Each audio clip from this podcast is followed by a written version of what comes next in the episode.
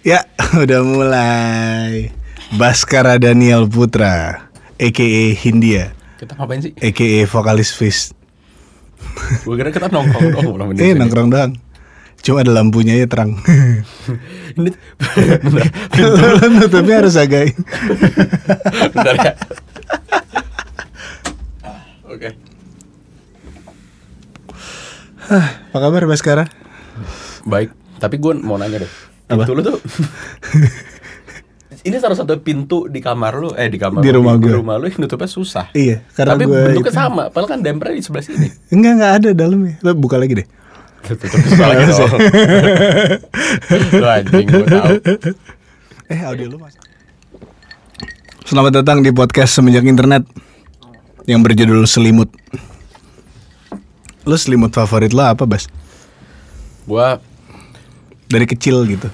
ada dulu satu selimut yang gue suka banget jorok kan Hmm. dibuang sama nyokap gue gue kayak bapak jangan dibuang jangan dibuang dibuang yang itu udah ganti yang baru lebih bagus Gambarnya apa? nggak ada gambarnya kayak Oh, selimut eh, polosan gitu. Lo Selimut nggak ada selimut masa kecil yang kayak apa gitu? gue nggak anjir dari kecil gue lumayan keren ya gue nggak pernah suka yang kayak ada gambar-gambarnya gitu yang Gue nggak suka sih dulu, cuma gue dikasih. MU iya elah. Ngerti banget kan gue bola. Si ngerti, banget. Gue nggak ada gue nggak ada gambarnya cuman pasti kan ketiap orang buat gue punya kayak objek-objek kasur yang dia suka banget gitu ya. Nah. ada ada sentimental value-nya. Ada satu bantal bantal guling gua. Bantal guling lo iya semua orang kan punya objek eh, yang punya sentimental value gitu di kasur mostly kan Ah. ada satu bantal guling gua dulu gue suka banget dulu udah hancur banget bentuknya bentuknya udah kayak nggak bisa sih itu waktu sih itu Jadi lo harus pakai lama selimut gue di rumah yang sekarang udah sebulan nggak gue ganti. Merek apa? Tai merek. Gue nggak tahu mereknya. Emang lu tahu merek-merek kasur? tahu Nggak maksudnya ya, ya. soalnya gue beli sendiri Lu beli sendiri pasti tahu. Iya, iya. Tapi yang kayak udah bawaan dari rumah yang lama atau dari dulu tuh Nggak tahu sih. Gue nggak pernah tahu mereknya apaan. Gue dulu punya dua. Dan dipakainya bergantian. Yang satu MU satu Liverpool. Itu ketahuan banget nyokap gue nggak ngerti bola. Bokap gue nggak ngerti bola. Anak cowok nih, Iya, ya iya, kan, iya. tim bola. Kita beliin aja pada jauh MU sama Liverpool. Jauh banget sama si Liverpool. temenan banget. Eh Si- nggak tahu sih gue nggak ngerti. Emang ya gue nggak tahu sih dibilang musuhan juga enggak gue takut dibilang so tau dulu gue ngikutin bola banget. Semenjak Liverpool kalah mulu gue yang kayak ah udahlah oh lo Liverpool ya? Hmm. gue Liverpool semenjak- akhirnya? Gara-gara teman-teman gue Liverpool. Anjing lu. Gue takut ditinggalin teman-teman gue aja. Terus apa namanya pas gue berhenti nonton menang mulu. Eh kemarin baru menang ya? Akhirnya juara Premier League lagi. Oh ya? Hmm, setelah sekian Oh, wow. lama terus dulu Liverpool. tangan. Dulu fans fans MU kan yang kayak ah Liverpool kalau dikata-katain bawa-bawa sejarah mulu. Cuman kita udah menang berapa kali. Sekarang MU kalah bawa sejarah juga. Salam selamat juara dari yang udah juara 20 kali. Caelah. sama aja bro. Semua orang buat gue jadi semua orang itu sama menurut Baskara Daniel Putra. Tai. Eh itu selimut yang gue bilang tadi tuh selimut yang ini. Selimut yang gue pakai jadi single coverage cukup ya tuh oh itu? Yang dilukis Ah. ya, itu selimut yang itu. Itu belum gue ganti sebulan pasti lu jorok banget. Ih Ih, gue bayangin aja. Lu tau gak sih Iya, iya, iya. lu tau gak sih servis apa namanya? Tungau tungau. Iya tapi apa apa apa nama? Sedot tungau. Sedot tungau ya yang, yang pakai uap itu nyedotnya. Eh apaan yang pakai uap? Pakai uap. Sedot pakai uap Iya. nyedotnya kan pakai uap kan tuh. Yang Ya, yang air. ya air dari apa? air. oh dari uap. Ya biar dia kebayang. Oh iya iya iya. Gue udah kurang bisa membayangkan apa pun kayak sekarang ya terus. terus. itu kalau misal kasur kayak kasur, kasur kamar gue lah pokoknya secara umum gituin tuh pasti itu hitam banget tuh airnya tuh karena di kantor gua ada di di ini kantor gua by the way label label gua labelnya Hindia dan Fish di Sanitar itu ada satu sofa Hmm. Gua kira warna sofanya mocha cuy, selama ini. Harusnya ah, putih ya? gitu kan abis abis tur kayak aduh capek nih tidur ah gitu. Abis pulang dari airport ah capek tidur gitu. Terus yang kayak anak-anak nongkrong di situ suatu saat di bawah nih servis tungau yang tadi lo bilang. Bukan servis tungau lah apalah pokoknya namanya. Terus disodot seret anjir putih cuy ternyata warna terus gue Anjing males banget. Anjing, anjing selama ini gue tidur di situ.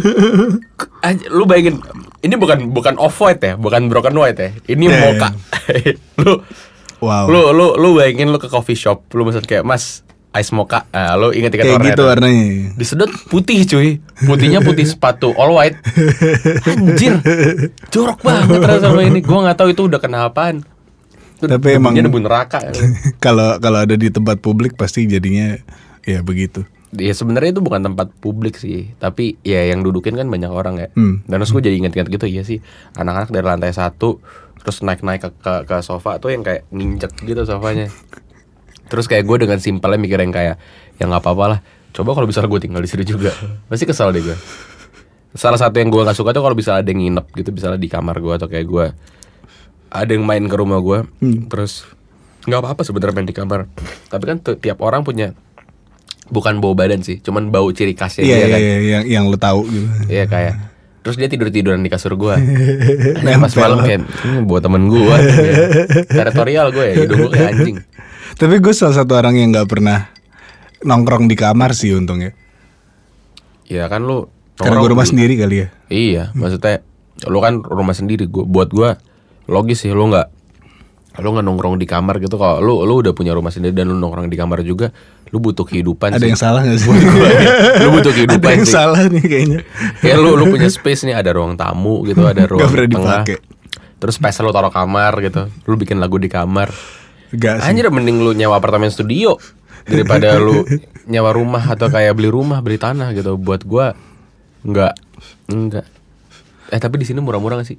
Apa? Rumah? Kayak ngontrak setahun gitu. Ngontrak lumayan kok. Ngontrak lumayan. Masih reasonable lah kalau dibanding Jakarta. Iya Jakarta gila sih. Enggak enggak enggak enggak nyampe buat gua kayak harga Jakarta tuh. Kayak apa namanya? Ya itu kebetulan kayak tadi gue cerita di bawah. Ini eh apa namanya? Band Govis tuh kayak lagi nyari tempat buat kayak jadi base camp gitu kan. Lo mau cari endorsean deh. Jadi lo cari tempat Iya. buat ngomong ini online. Ntar tiba-tiba dikontak Ray White. Ya, ya. eh mau dong Ray White. Tai mau dong Ray White. Tai. A- a- apa anjir kayak itu itu endorsean gede banget Gede sih. Di endorse Ray White. di, di endorse rumah. Kayak gua lu mimpi endorsean lu apaan? Eh Anjing topik yang tadi belum kelar kita udah pindah. apa ya? Eh gue nggak tahu loh. Gue Pertamina. Wah enak sih. Yang kayak di endorse Pertamina Enak gitu yang kayak Mas ini ada kartunya gitu bisa kayak lu dikasih uh, 24 bolongan jadi sebulan tuh lu bisa ngisi dua kali Hmm. gitu kan. Mas dicap aja ntar kalau Oh, datang. itu gitu. enak sih. Kayak buat gua level ambassador atau endorsement paling tinggi ya. Itu yang kayak kalau lu di endorse sama atau atau jadi ditawarin jadi ambassador produk-produk dari daily produk yang sehari-hari gitu loh. Tokopedia gak sih? Anjir lu. Nah cuma yang Nggak, yang apa dia kan dia kan marketplace gitu loh. Lu paling mem- mempromosikan marketplace-nya. Tapi Iya kalau misalnya kayak lu di endorse air mineral gitu, kayak keluarga Tristan. Iya gak sih? Gue gue pernah lagi serius gue pernah lagi nyetir macet gitu kan di daerah Gandaria berhenti di belakang truk galon gitu. Bentar ini kayak gue kenal nih empat orang siapa ya. Tuh Tristan, tuh pianis gue. Itu tapi levelnya beyond banget gitu loh. Lu lu di endorse sekeluarga sama air mineral gitu. Kayak itu hal yang sehari-hari banget itu buat gue contoh terbaik kapitalisme gitu loh yang kayak capital market gitu hidup lu disokong sama sebuah brand besar gila. Untuk menjual produk lebih banyak lagi. Apa ya gue sayur sayuran kali. Ya sayuran. Baru juga tiga hari makan sayur. Tapi kan nggak nggak nggak banyak brand sayur gitu loh yang Iya sih. kayak ya walaupun sekarang holistic living lagi lagi Lagi naik, all time iya, high iya, buat gue iya. lagi. Lagi apa sih bahasanya tinggi tingginya gitu. Iya semua orang lagi lagi menuju ke sana. Cuman nggak nggak banyak itu loh. Kalau gue ngeliat kayak benar-benar ada brand-brand yang kayak grocery gitu tuh pasti brand-brand baru yang Hmm. masih kecil yang buat gue kayak salah satu penanda brand ini udah gede apa belum lo bisa langsung beli atau dia pre-order. Yang kayak Hmm. Oh, iya, lu mau iya, makan senin lu pre-order hari sabtu gitu. Itu masih kecil tuh. Iya, itu, iya. itu masih berkembang biasanya. Karena di mana belum tinggi. Cuman kalau yang kayak dia punya toko di online marketplace kayak Tokopedia Shopee Hmm. lu bisa langsung beli. Modal lu udah gede tuh berarti udah banyak uangnya biasanya. Tapi eh lo pernah gak sih tidur nggak pakai selimut? Bridgingnya nggak smooth sama sekali. Lu sama cocok sekali banget. tidak smooth. Lu gak cocok banget jadi MC nih. Nggak bisa. Ini coba gila ya gila ya Ini coba makanya gue undang ke sini yang kenal kenal aja mas. Kalau nggak kenal gue bingung. Oh, sorry. Ini jobat. Dan, dan lu gak pakai jembatan Apa anjing? Gue shock gitu Gue Gak bisa sih tidur gak pakai selimut Kecuali kepanasan banget. Kayak gue juga sama. Ke-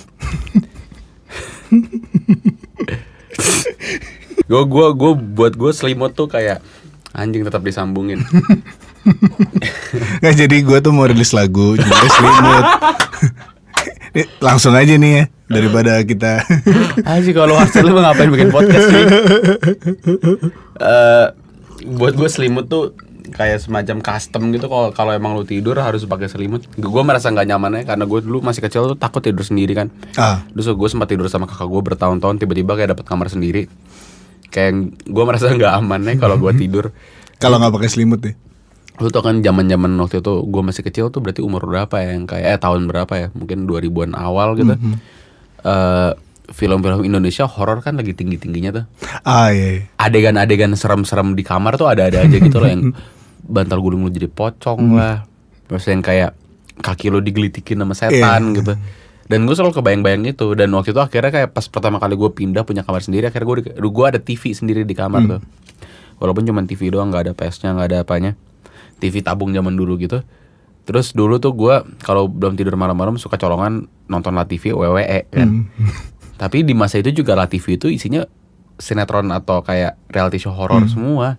Jadi gue bisa yang ket- ketiduran kebangun jam 2 gitu jam 1 Nggak enak. Anjing gue tiba-tiba di TV gue kuntilanak lah apa gitu yang kayak lagi dilukis Lu tau kan dilukis-lukis Iya, gitu kan iya. kayak Di sebelah sini ada apa? gitu. Males. Anjing males banget.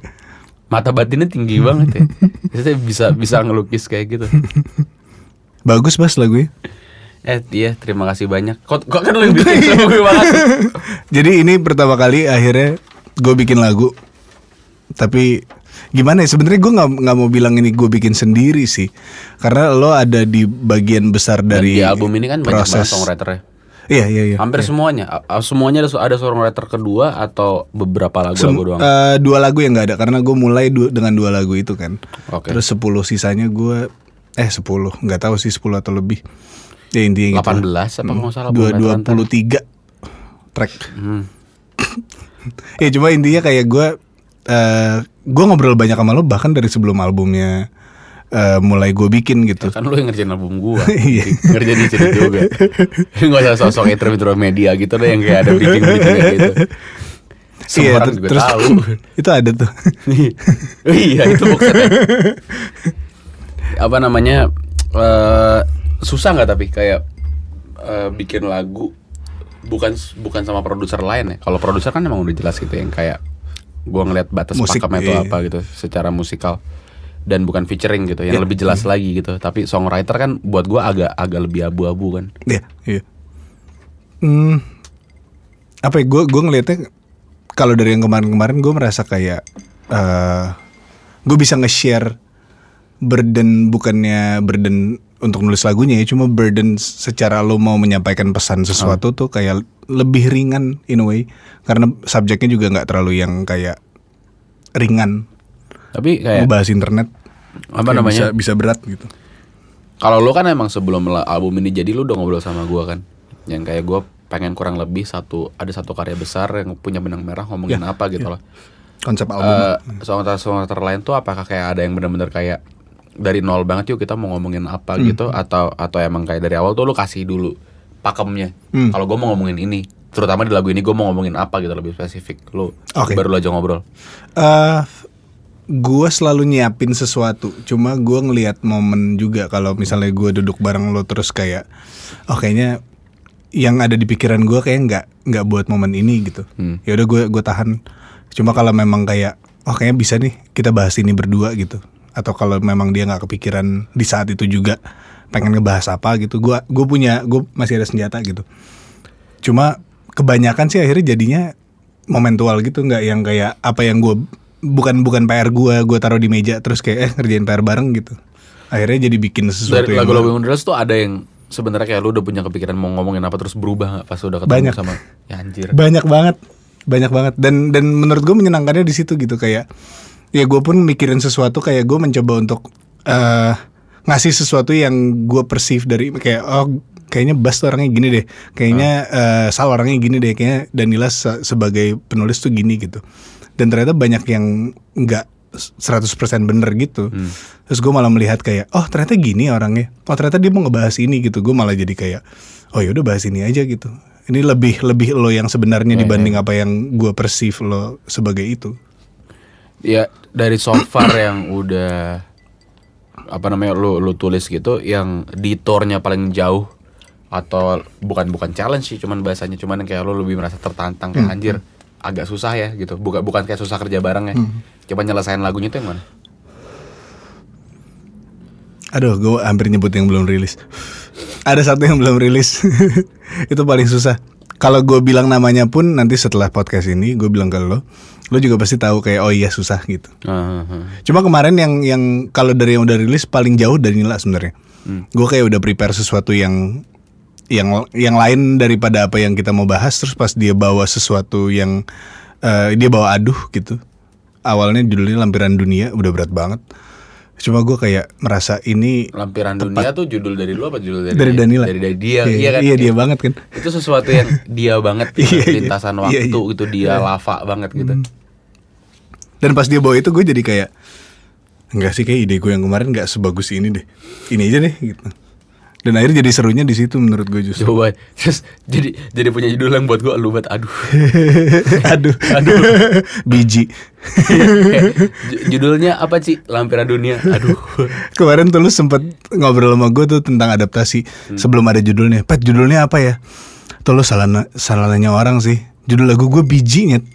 Lu nanya gue judul lagu, gue bisa ngasih hal yang terlalu aneh buat lo deh. Kayaknya mendingan lo yang milih daripada gue yang pilihin buat lo. Si apa namanya eh prosesnya tuh cuman cuman cuman kayak da- dalam dalam jangka waktu yang sama gitu dalam dimensi waktu dalam arti yang kayak yang sama gua kurang lebih dua minggu sama Cici dua minggu juga Ah, sama Pam dua minggu juga atau atau kayak Danila lebih panjang waktu itu atau gimana Hmm, beda-beda sih, cuma nggak ada yang selama itu juga sih. Hmm. Kayak Danila gue cuma ketemu dua kali.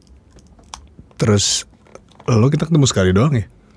Tapi Ya, kan kita udah sering plus- ngomongin plus, hal-hal iya, ya, iya, se- seputar itu jauh bahkan sebelum lu ngerilis lagu pertamanya kan Gue pun sebenarnya kayak in a way inspired by Hindia gitu. The whole process Hmm. kayak waktu lo datang ke gue, lo udah punya konsep album lo, lo mau nulis lagu apa aja.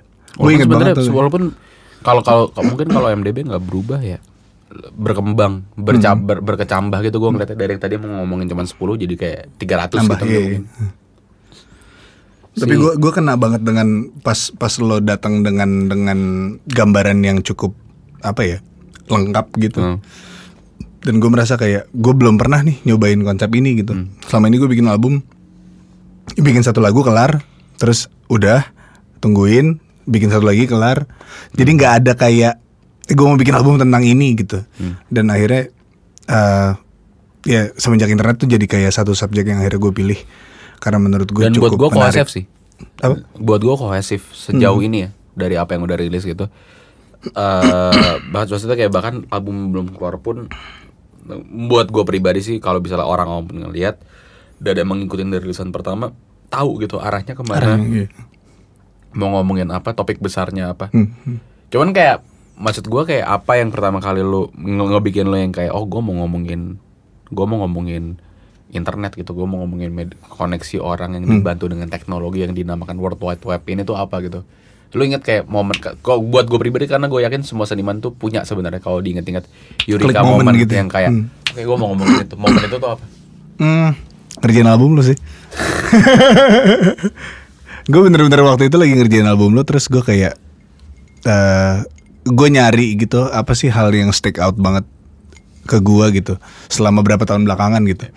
Dan yang yang paling berasa menurut gue internet keberadaan internet sih. Jadi gue ngerasain dari nggak ada internet terus gue ngerasain MSN terus eh, apa namanya music match terus torrent download lagu gitu. Kayak sebagian besar dari hidup gue di dibentuk oleh internet, internet.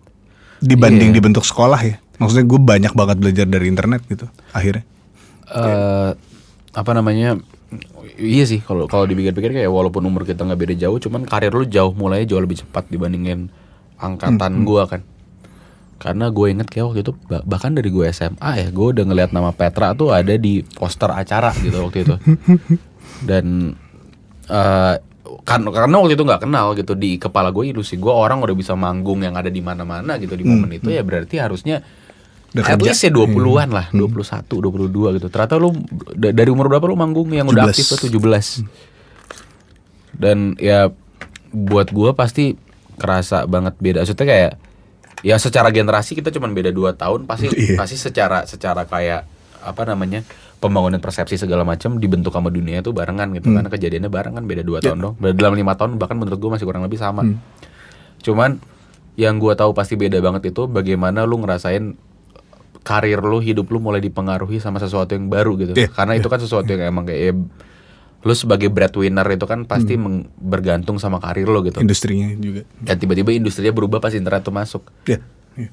Apa oh, yang, gue ngerasain banget tuh RBT gue masih, masih apa ngerasain. apa yang paling beda gitu yang kayak zaman dulu lu yakin works, zaman sekarang kalau lu ngelakuin itu lu akan jelek banget image lu kalau lu ngelakuin itu.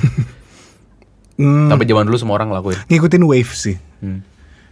Zaman dulu kalau lo ngikutin wave kayak ya works banget. Ya karena nggak ada pembandingnya kan. Buat Iya. gue yang kayak ya udah lu lu ngeliat apa yang ada di TV gitu. Walaupun udah ada internet cuman penetrasinya belum Ya, se belum parah belum sekarang kan. se-wide itu juga. Yang kayak paket YouTube 10 giga Hmm. tuh cuman berapa ribu gitu. Kayak gitu. Ya menurut gue kayak di saat ada internet game changer banget sih terhadap industrinya pun gitu. Apalagi industrinya ya. Kayak gue merasa eh ya lo bener-bener harus menjadi sesuatu yang gimana ya? Ya orang-orang kan pasti kayak langsung stick out di saat ada yang beda gitu. Di saat lo beda orang pasti kayak apalagi dengan adanya internet orang lihat lo di mana pun kayak oh ini ini beda nih gitu. Kalau dulu the more you are apa ya bisa bisa adaptasi bisa bisa masuk ke dalam image yang orang lihat kayak terkenal ya semakin gampang lo ada di situ gitu. Ada lu nggak- ada ada momen yang lu inget gak yang kayak anjing udah beda ya sekarang udah nggak bisa kayak dulu gitu. Hmm, Mungkin kayak di saat ini pas lu ngerjain album ini atau mungkin satu dua tahun lalu atau justru kayak pas zamannya dulu gue belum berkarir di musik juga. hmm, nggak nggak terlalu jauh sih. Gue mungkin ada satu momen yang waktu itu gue sempat photoshoot buat Puma. Hmm. terus gue terbiasa banget kan kerja sama orang yang jauh lebih tua dari gue gitu. Maksudnya di saat gue ada di sebuah production either itu foto atau video gitu. Gue kerja sama orang-orang yang kayak 10 tahun di atas gue gitu yang harus gue panggil mas gue panggil om gitu. Dan ini di photoshoot ini gue bener-bener kayak anjing ini sekarang yang kerja udah seumuran gue dan di bawah gue gitu.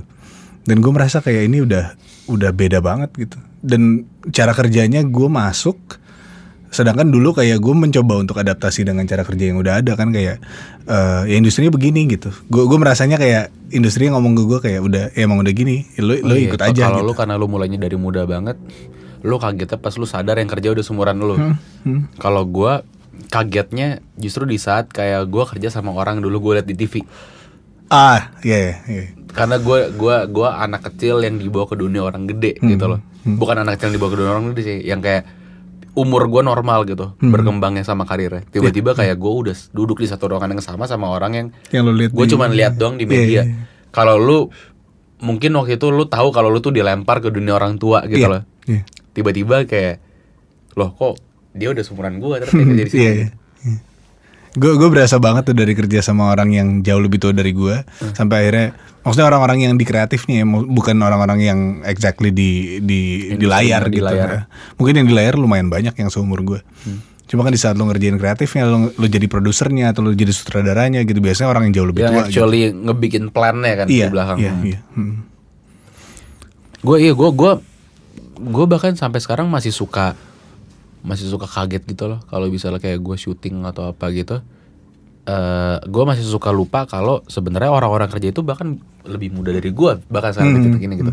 Gue masih di kepala gue yang kayak buat gue apa pun yang kejadian di diri gue dan karir gue sekarang itu kejadian tuh buat gue sangat cepat Hmm. yang kayak tiba-tiba anjir dari album pertamanya Fish ke album keduanya berubahnya sedrastis Hmm. itu di tengah-tengah Fish ngerjain album ketiga ada Hindia bikin album Hmm. sedrastis sedrastis itu lagi yang kayak tiba-tiba ya gue masih manggilnya Mas gitu gue masih manggilnya Hmm. yang kayak ya Mas Mbak ternyata pas kayak gue tahu dia lebih muda dari gue gitu yang dikerjain Da- dan ternyata di titik ini di di lingkungan kawan-kawan musisi yang lain gue tuh dipanggil Mas gitu loh Oh, sama iya, kayak iya, mungkin iya. dulu gue ngelihat eh, apa namanya ya siapa yang nggak jauh-jauh banget umurnya dari gue ya mungkin kayak steady selu lah gitu Iya, iya, iya. Hmm. gitu gue gue yang Aji. kayak gue tahu satu satu teman satu pertemanan satu Hmm. lingkungan tapi gue tahu dia satu dua generasi di atas gue gitu Hmm. kan ternyata tuh gue sekarang udah di titik di mana gue dianggapnya udah bukan kayak newcomer lagi Iya, iya, di, iya. di di industrinya gitu. Udah mas-mas industri ya. udah udah yang kayak oh kayak gini gitu dan dan dan gue lumayan kaget gitu dan ternyata itu itu jadi jauh lebih cepat perpindahan itu pas udah diakselerasi di, di dikasih nitro lah bahasanya kalau lu balapan mobil sama sama internet gitu Hmm. kayak buat gue regenerasinya jadi cepet banget karena zaman dulu tuh kalau kayak kalau dari kacamata awam gue ya, di saat itu di industri entertainmentnya di musik mungkin terutama gap antar generasi tuh kerasa banget dan kelihatan banget gitu loh siapa yang lebih tua siapa yang lebih muda Ah, siapa iya, yang iya. tengah Iya.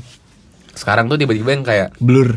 blur karena karena ada internet ada media sosial ada meso- ada media sosial ada teknologi yang namanya direct message yang ngebikin semua orang bisa kenal duluan tanpa harus Hmm. Iya. ketemu gitu gue banyak banget kenal sama orang-orang gue kerja bareng gara-gara DM. iya kan maksudnya via internet dulu gitu Kita kenal awal tuh Enggak kita kalau kita nggak kebetulan nggak via bukan internet. DM ya, bukan DM. Karena Sarah, Oh iya iya iya. karena Sarah. Iya Gue lagi ngambil tiket WTF ya waktu itu ya. iya. iya. Gue masih kerja di kantor. Anjing gue inget banget John Mayer. Kantor gue partnernya, Mayer. kan- kantor gue partnernya WTF waktu itu. Gue ngambil tiket WTF ke kantor Ismaya Live ke Sarah, Sarah Desita. Eh, Sarah Desita Priyadi sekarang namanya. Iya. Ada di seberang. di seberang. Eh, gue datang ke kantor Ismaya Live ngambil ngambil tiket WTF kebetulan pakai jaket John Mayer. Ketemu Petra di situ. Terus kalimat pertama yang dia bilang ke gue, gue mau gue boleh beli jaket lu nggak? Aja bilang gampang dapetnya. Enggak enggak boleh. Lalu kayak pertemuan berapa kali ketemu lagi masih nanya hal Iya, yang sama. Padahal gue gak bawa jaketnya. Gue boleh beli jaket lu kayak. Cuma yang lumayan kita ngobrol banget ya abis itu ya si album apa tidak ada salju. Tapi di momen itu pun gue belum tahu kalau ternyata beda umur kita tuh nggak jauh. Oh ya? Iya karena ya di mata gue waktu itu yang kayak Oh ya Petra Siombing gitu. Gue udah ngeliat dia dari zaman gue masih sekolah. Sekarang gue udah kerja gitu. Jauh kan dari sekolah ke kerja tuh jauh. Gue kira tuh yang kayak lu seumuran kakak gue yang paling tua gitu loh. Di beda 10 tahun sama gue sekarang tuh dia berarti 36 Iya jauh sih itu. Iya kan? Gue kira tuh seumuran segitu.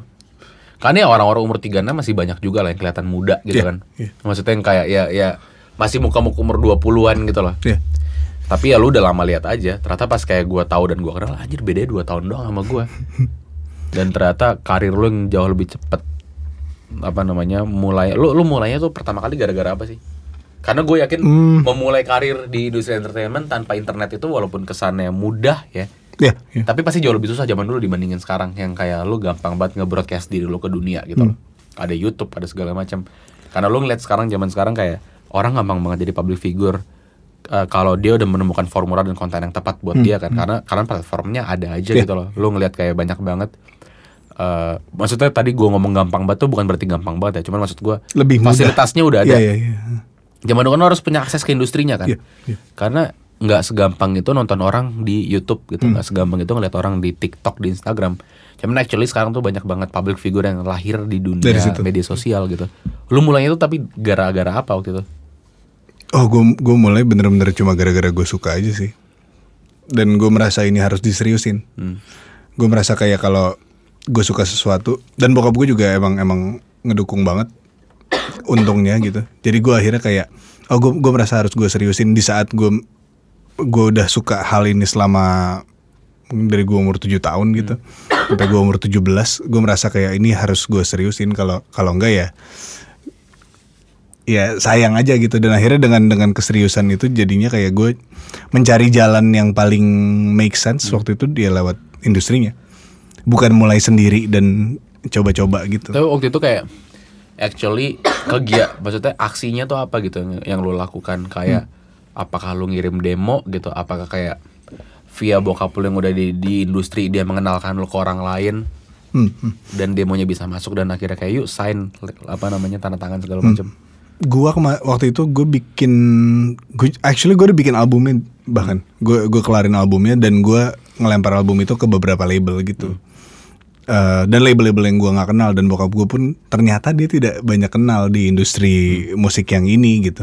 Di industri musik, musik rohani dia lumayan kayak oh ada kenalan ini itu gitu. Cuma pas kayak gue pengen rilisnya gini gitu. Oh dia nggak kenal siapa-siapa ternyata.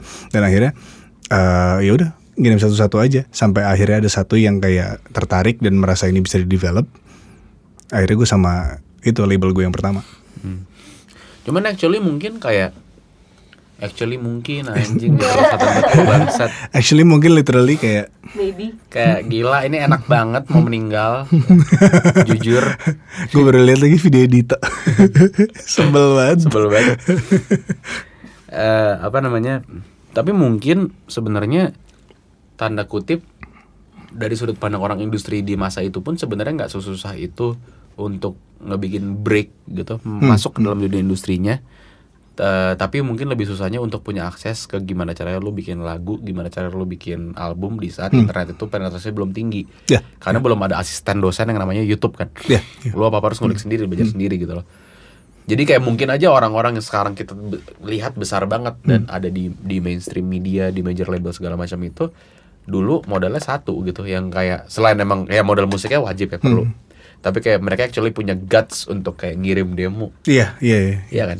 Tapi karena emang gak ada cara lain sih. Dan gak ada pilihan gue. lain. Iya, gak ada pilihan lain. Dan dari buat gua ya, maksudnya logika gua ini hipotesis gua dari sudut pandang industrinya pun nggak ada pilihan lain. Pilihan talentnya tuh iya, pilihan iya. calon talentnya tuh nggak banyak karena yang ngirim juga berapa sih Iya. paling? Dan yang milih ya itu itu lagi. Iya kan? Ya. Jadinya lama-lama jadi hegemoni aja yang kayak kebentuk yang ya orang yang milih ini ini aja, Hmm. yang sukses ya juga bentuk musiknya kayak gini. Jadinya kayak lu bilang tadi gitu.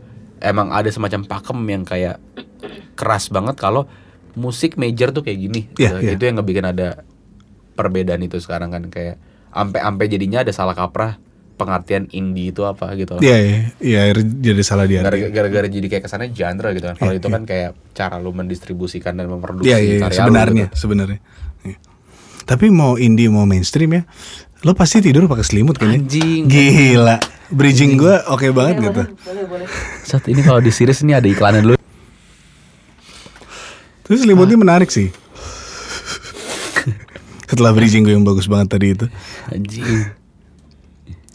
Soalnya banyak kan gue yang nulis akhirnya jadinya. iya. gue ketemu sama Petra sekali doang. Waktu itu dia udah ada ide beberapa lagu, cuman akhirnya lebih lebih ke brainstorm ya, kayak kayak kayak kayak lebih ke exercising exercising idenya aja Iya, gitu. iya. Gue nanya dia mau ngomongin apa, mau nulis apa, dia cerita, terus kayak gua kasih tanggapan gue terhadap apa yang mau dia omongin segala macam bla bla bla bla bla. Terus gua waktu itu ngasih ide gimana kalau lu bikin lagu pengantar tidur gitu. Tapi untuk untuk dunia yang modern di era modern ini gitu. Lu zaman lu tidur doa kan? Ya. Ya buat gue sih zaman sekarang orang sebelum tidurnya buka media sosial ya. Hmm. Kayak lu harus lu ada AC di kamar lu untuk hangat lu harus pakai selimut untuk lu tahu kalau lu siap tidur gitu. Selimutnya ini buat gue sekarang sebuah kegiatan yang namanya buka media sosial gitu. Eh, dan itu dilakuin semua orang. Eh, Sebenarnya nggak spesifik media sosial, cuman eh kayaknya udah jadi behavior yang laten lah sedunia ini.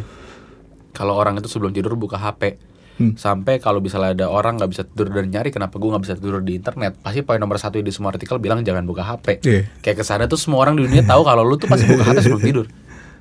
Dan buat gua ya di saat lu udah pasti banget nih buka HP sebelum tidur gitu dan di dunia yang sangat-sangat terkoneksi seperti sekarang ya pasti undisputed winnernya adalah media sosial gitu Instagram Twitter segala macem dan gua sih ya ini gua pribadi waktu itu gue inget juga di pertemuan itu gue bilang ke Petra gua sih pribadi menyelimuti diri gua dengan informasi dari teman-teman gue sebelum gua tidur gitu loh.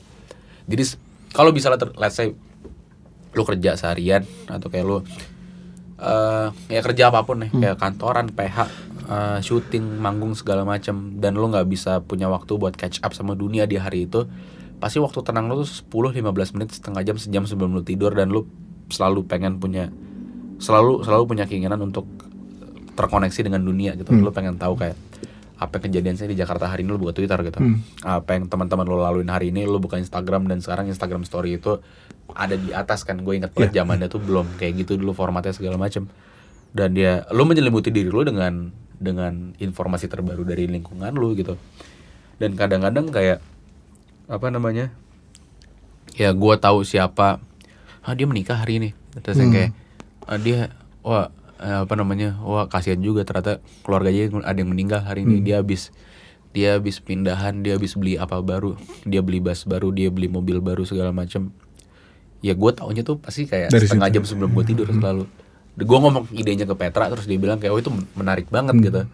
Eh dan tiba-tiba dia buka laptop dia bilang gue lagi punya satu track mentahan ini modular Hmm, yang gue rasa Perkasa. ini kayak ibaratnya sebagai sebuah eh, apa namanya feel moodnya lah Hmm. pokoknya kurang lebih. Ini sesuatu yang ya kayak mungkin kalau nggak outro interlude album gitu Hmm. loh sesuatu yang kayak eh, nandain nandain kalau ini selesai dulu Hmm. sebelum mulai lagi gitu. Kayak kayak outro album aja. Dan masuk sama idenya. Dan ab- ngobrol-ngobrol segala macem.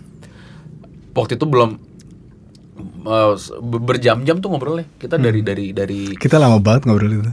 Gue gue kebetulan gue jarang banget ke rumah Petra pagi kebetulan gue waktu itu ke rumah Petra pagi cuman kita pulangnya sore waktu itu dan akhirnya di akhir-akhir pembicaraannya terus yang udah kayak dapet ide eh ini apa namanya gila ya lu lu selalu ngelakuin ini ini kayak ritual gitu sama kayak lu selimutan sebelum tidur Hmm. kayak ada terus ada bengongnya gitu kayak semenit gitu judulnya selimut. Selimut. Jadi dan jadi karena karena kayak ya ya selimut dunia maya gitu Iya, kan iya. Kayak lu lu lu lu diselimutin sama itu gitu sebelum lu tidur Dan gue jadi ritual. kebayang anak gue tuh gara-gara lo ngomong gitu.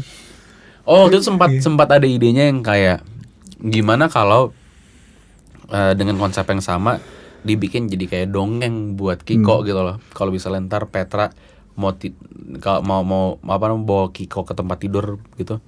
Nungguin dia tidur, nyelimutin dia tuh dia cerita apa Hmm. gitu dengan dengan konten yang sama tapi sudut pandang itu digeser kayak Iya. bapak ngomong ke anaknya. Cuman pas ngobrol-ngobrol-ngobrol kayaknya pengen dibikin jadi yang kayak lebih ke diri sendiri gitu loh iya. kayak lu nyelimutin diri lu sendiri dan jadinya ide lagunya kayak gitu dan pas udah akhirnya Petra ngirim draft liriknya kayak gimana terus apa namanya instrumental modular udah dirapihin dipakai sebelah mana ditambahin apa ya buat gue jadi pas banget aja ternyata yang kayak itu buat gue sih udah jadi nggak kayak track filler Hmm. jadi yang Jadi kayak- kuat banget jadi sih, kuat, jadi kuat, jadi jadi kuat kuat. banget Hmm. Kayak dan dan buat gue kerasa banget kayak apa ya bahasanya? Ibaratnya lu udah ngikutin satu musisi kayak oh ini album baru gitu. Kalau track ini keluar tuh yang kayak oh ini ini ini beda mood gitu. Hmm. Iya, Dia- lo langsung tahu arahnya ke mana. Jadi kayak semacam center point dari Dari album ya? dari albumnya Baskara Daniel Putra. dia tiba-tiba WhatsApp gue pengen interpolasi lirik gitu. Eh, karena dia kayak kepikiran ngomongin sesuatu tentang apa namanya makan tentang lapar gitu dan dia pengen masukin satu notasi jam makan siang karena dia bilang dari pertama kali dengan instrumentalnya entah kenapa gue selalu kebayang cara nyanyinya jam makan siang di lagu ini Iya. akhirnya masuk satu kalimat itu Tapi lo kalau nulis lagu gitu gak sih kayak ada lo masuk ke dalam sebuah momen yang lumayan lo hilang sebenarnya. Lo hilang tapi ada gitu. Iya ya bener Dan di saat itu terjadi gue kayak gue nggak mau nggak mau keluar dari situ sih. Maksudnya jangan jangan sampai gue ego gue jadi akhirnya lebih gede daripada si lagunya pengen ngomong apa Bener-bener. gitu. Ka- Kadang-kadang buat gue ada beberapa apa pun yang bentuknya notasi, suara, instrumen yang spesifik, sound design yang spesifik, Yang datang aja gitu. lirik atau melodi yang datang aja dan kesan itu emang meant to be ada di lagu itu, Iya. harus itu Iya. gitu. Dan kayak lagunya mau mengalami perpindahan separah apa pun, kadang-kadang elemen itunya lu pertahan, Iya. lu nggak mau Iya. ubah gitu loh. Dan dia ngomong jam makan siang itu dari awal tuh walaupun dia belum bilang spesifik cuman Petra dari pertama kali ketemu udah bilang kayak gue denger lagu ini selalu kengiang-ngiang Iya. cara nyanyi lo di jam makan siang gitu. Padahal jauh banget lagunya. Dan juga banget. walaupun sebenarnya jam makan siang kurang lebih ada topik-topik yang Hmm. walaupun nggak kalau jam makan siang nggak spesifik ngomongin itu ya. Iya, iya. Dia ngomongin dia ngomongin uang kan. Jam makan siang tuh ngomongin uang gitu. Struggle. Keadaan finansial.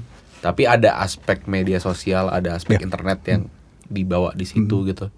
Dan eh, nggak nggak nggak jauh lah. Cuman buat gua kayak cara masuknya ke dalam lagu ini ini jadi kayak jadi kayak spiritual sequel gitu jadi Iya, iya, kayak iya, buat iya.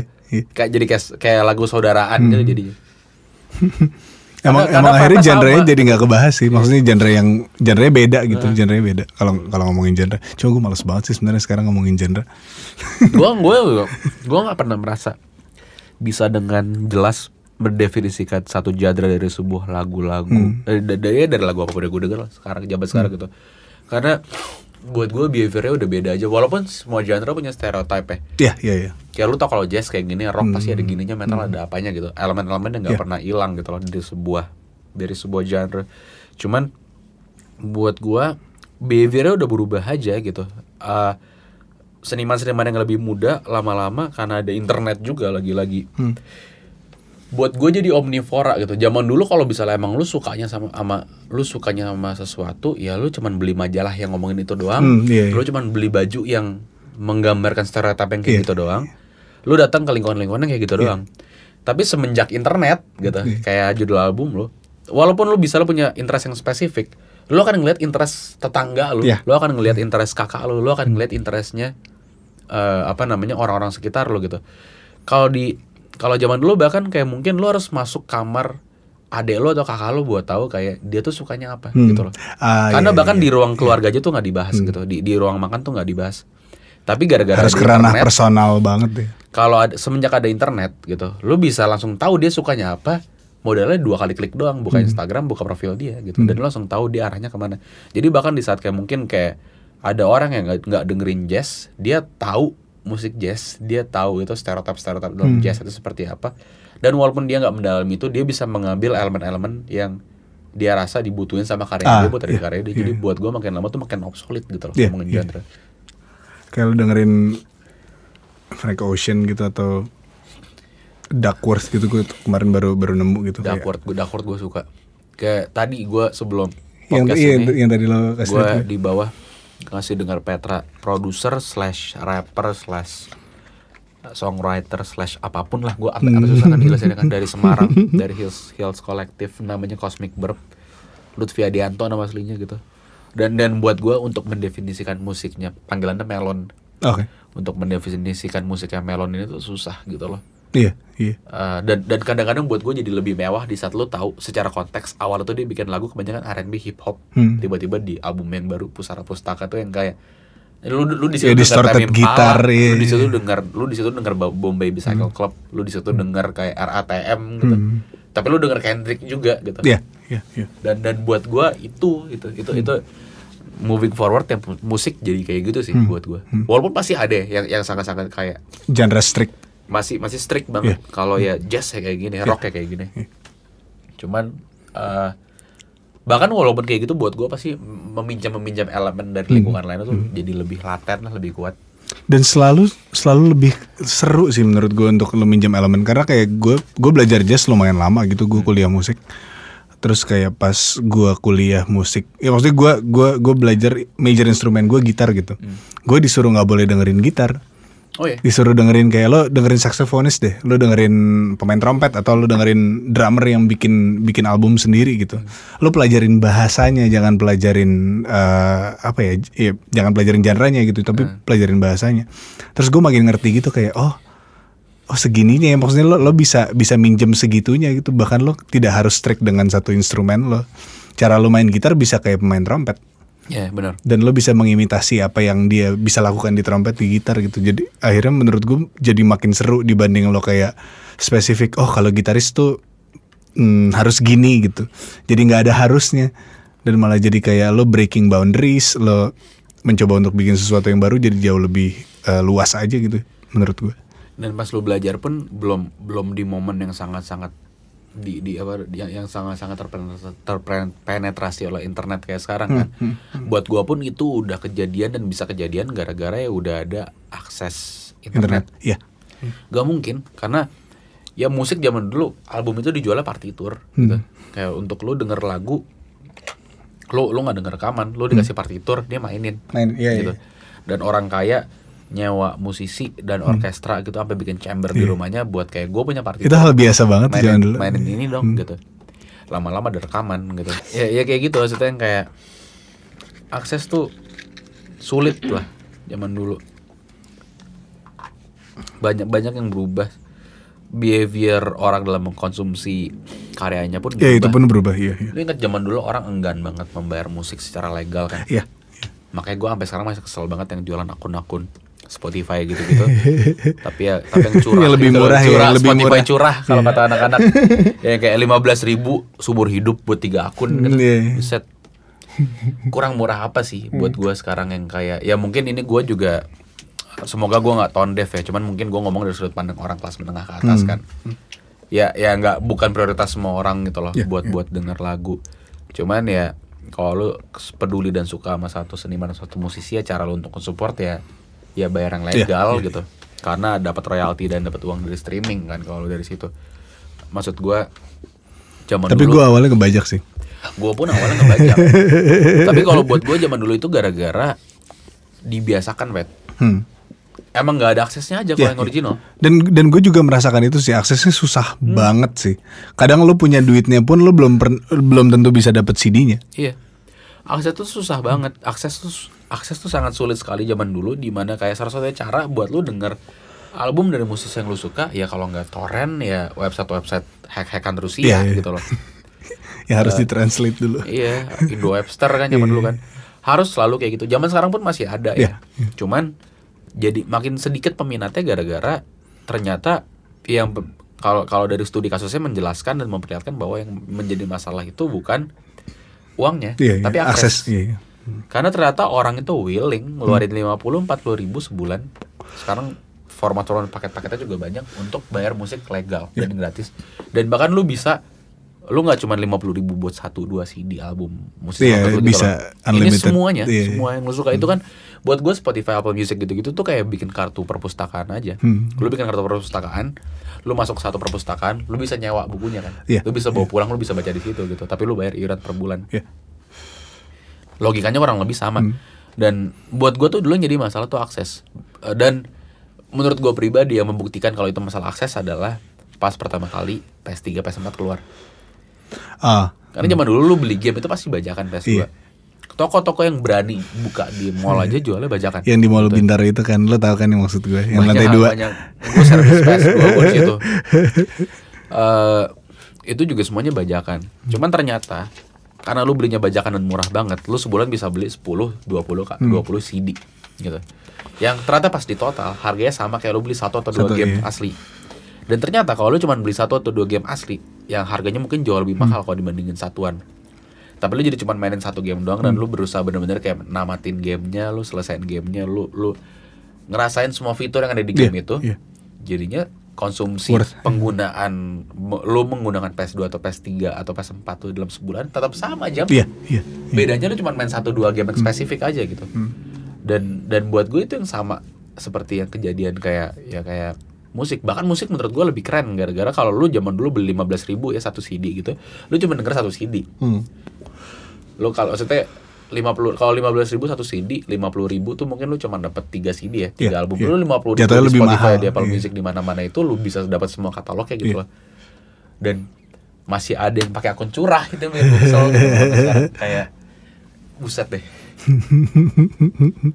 maksudnya ya ya ya kelihatan lah mana yang emang kayak eh, ya musik bukan prioritas dan emang ya ini lagi-lagi semoga gue nggak tone deaf ya cuman maksud gue yang kayak apa namanya eh kelihatan lah ya emang sebenarnya secara kemampuan finansial tuh bisa Hmm, hmm. cuman nggak mau aja dia nggak merasa seniman itu harus dihargai dengan proper Iya, untuk iya. gue punya akun yang resmi atau mus- atau Ya mungkin dia itu nggak cukup nggak nggak nggak harus gue hargai dengan proper dan gue bisa ngebajak aja gitu. mungkin dia ngebajak supaya bisa beli merch. Mungkin ya Iya, gue sih selalu men- mencoba untuk melihat positifnya aja. gue bikin apa studi kasusnya kalau ternyata enggak gue makin bisa ngata-ngatain lagi ntar di interview-interview selanjutnya gue sih nggak pernah marahin orang-orang jualan Iya, gitu iya. langsung ya kalau misalnya kan banyak tuh yang kayak tiba-tiba di di Twitter di Instagram Hmm. kayak di di lo ngepost apa dia reply komen Iya, iya, jualan iya, gitu gue kan gue sering lihat nih. nggak pernah ada yang kayak gue marahin atau apa gitu ya semua orang punya kebutuhan masing-masing kan Hmm. Iya. perlu cari uang gitu Dan semua orang pasti pakai selimut sih tidurnya. Gila, smooth banget gak sih? Wow. cuman selalu gua hapus aja paling komennya gitu kalau gua lihat memang nggak nggak pernah gua gertak gitu Hmm. kecuali kalau misalnya gue suka kesal banget kalau misalnya dia dia mempromosikan budaya seperti itu yang kayak ngapain Ah, beli iya, asli iya, beli iya. palsu aja Iya, iya, iya. kalau cuman jualan doang kayak ya udahlah gitu. Ya udah iya. iya. Masih ada usahanya. behaviornya aja cuman Iya. kayak nggak nggak pernah gue gua apa-apain gitu loh karena lagi-lagi gua selalu mengingatkan diri gua mungkin kebutuhan tiap orang Iya, beda-beda. gitu. Dan pasti mereka juga butuh uang buat beli Kan- selimut ya. iya presensitif gitu Ya. Jadi gitulah. Selimut tuh emang cukup esensial ya di dunia ini ya. internet tepatnya Hmm, di internet internet menyelimuti kita dengan informasi-informasi yang eh, kita tahu tentang teman-teman kita atau orang-orang yang kita nggak kenal gitu. Cuma ya akhirnya itu yang lo pakai untuk tidur gitu. Lu mau pernah- nggak mau masuk Lu sih. pernah merasa kenal banget sama satu orang padahal lu nggak pernah Iya. ketemu sama dia Iya, gara-gara internet. Iya. Iya, itu aneh sih. Itu Ya, aneh. sih. kayak lu tahu sampai nama adiknya siapa dan kakaknya siapa gara-gara internet gitu. Iya. Dan buat gua ya esensinya lagu itu ya itu gitu. Ya lu lu bisa sampai hafal gitu yang kayak anjir ini mobilnya penyok kan baru beli minggu lalu padahal lu udah gak ketemu tuh Iya, lu bulan ketemu lama, iya. Tapi lu tahu kayak ya baret gitu. Hmm.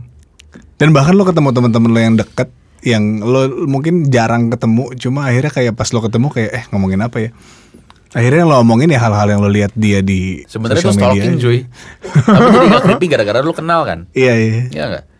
Dan maksud gua bukan yang kayak misalnya lu tahu update hidup seseorang tapi karena emang misalnya dia youtuber dan lu subscribe channelnya gitu loh Iya. jadi emang lu secara aktif mengikuti kontennya dia tapi kebetulan dia ada aja di feed lu dan Hmm. lu ngeliat dia hari ini lu lihat dia lagi besok lu lihat dia lagi lusa dan lama-lama jadi kayak lu tahu aja hidupnya gitu Hmm. dan buat gua sekarang fenomena lo nge-broadcast kehidupan lu di media sosial itu unik sih lucu Iya.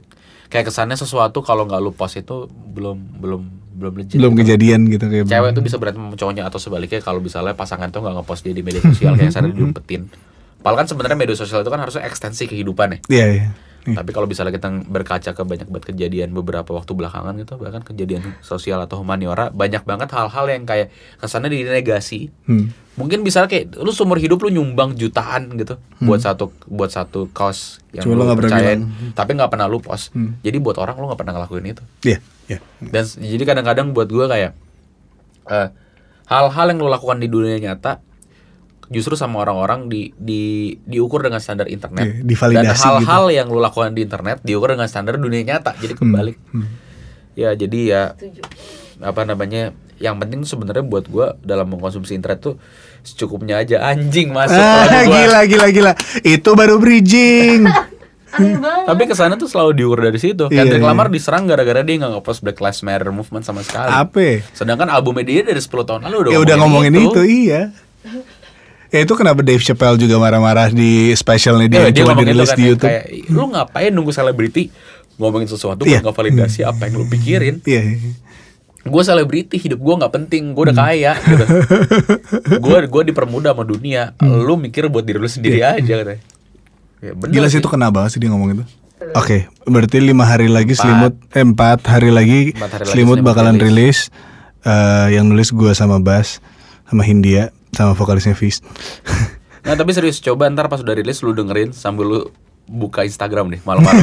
Serius kena Tapi emang rasanya iya sih, Karena rasanya gitu nyobain. banget. Oh iya bener nih kayak, kayak, kayak ada validasi gitu. Bener nih Petra nih. Terima kasih Indra Perkasa. Karena semua itu kayak mungkin 90% musiknya adalah dia gitu. Gue merasa kayak Misalnya kosmetik ya? Iya, gue gue berasa pas gue dengerin itu kayak anjing nih gue bisa nulis banget nih dari sini dan langsung gue langsung tahu kayak mau nulis apa gue langsung ngajak Bas dan ya udah jadinya selimut. Jadi ya gitu, jangan lupa dengerin selimut tanggal 23 23 Apa sih ini bulan apa sih? Juli. Juli Juli 23 Juli 2020 Dengerin selimut. Dah. Deh Makasih.